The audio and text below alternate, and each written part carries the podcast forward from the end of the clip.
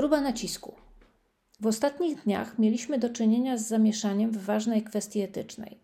Najpierw pojawiło się stanowisko przewodniczącego zespołu do spraw bioetyki KEP w sprawie godziwości stosowania niektórych szczepionek.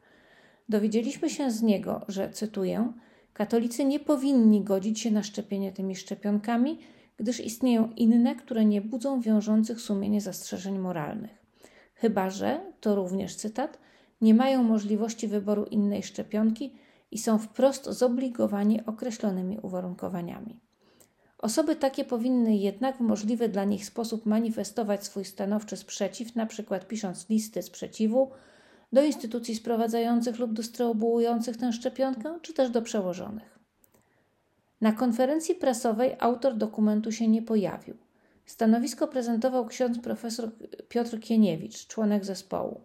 Zapytany, czy KEP będzie apelować do rządu o wycofanie omawianych szczepionek, odpowiedział, znów cytat, My odpowiadamy, że proces produkcji tych dwóch preparatów nie jest dobry.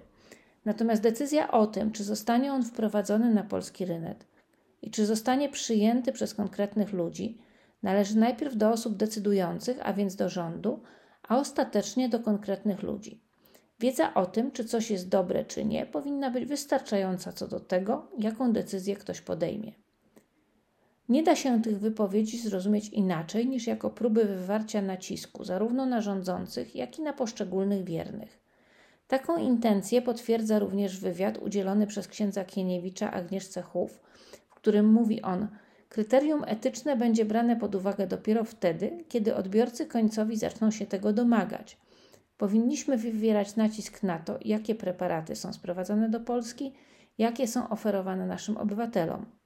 I chwilę później pyta retorycznie: kiedy będzie właściwy czas na wywieranie tej presji? Jak już wszyscy będziemy wyszczepieni? Dokument wywołał burzę. Słusznie, jako że sugerował działania nieetyczne. Okazało się też, że część członków zespołu nie wiedziała, że takie stanowisko powstaje. Ksiądz profesor Andrzej Muszala wydał w tej sprawie własne oświadczenie. Napisał między innymi: W obecnej sytuacji pandemii jest wręcz nakazem sumienia, by uchronić siebie, jak i innych przed, transmisją zabójczego wirusa COVID-19. Podsumowując, w mojej ocenie mieliśmy do czynienia z dość obrzydliwą, a może tylko bezmyślną próbą wywarcia nacisku na rząd przy wykorzystaniu zaufania wiernych i autorytetu zespołu ekspertów. Nie mam pewności, kto za to odpowiada. Wiem, że w moich oczach utracił wiarygodność jako ekspert. Nikomu nie odmawiam prawa do błędu, ale oczekuję, że jeśli go popełni, będzie potrafił to przyznać. Nie robił z ludzi idiotów. Pozostały jeszcze dwie kwestie. Po pierwsze, czy rząd powinien owe nieetyczne szczepionki zamawiać? Jestem przekonana, że jedynymi kryteriami na tym etapie powinny być jakość i dostępność. Przypominam, szczepionek mamy generalnie ciągle za mało, a im szybciej osiągniemy odporność populacyjną, tym więcej ludzi przeżyje. Drugi aspekt całej sprawy poruszył podczas prezentacji stanowiska profesor Andrzej Kochański. Powiedział, że biorąc pod uwagę presję czasu, jaka towarzyszyła tworzeniu szczepionek, te linie komórkowe nie miały poważnej alternatywy.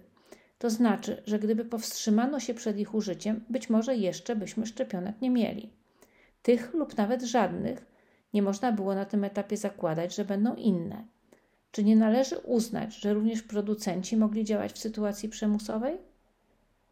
To wszystko oczywiście nie zwalnia nas z konieczności wywierania nacisku na stworzenie alternatyw, tak abyśmy nigdy już nie musieli z linii komórkowych pochodzenia płodowego korzystać. To naprawdę jest problem.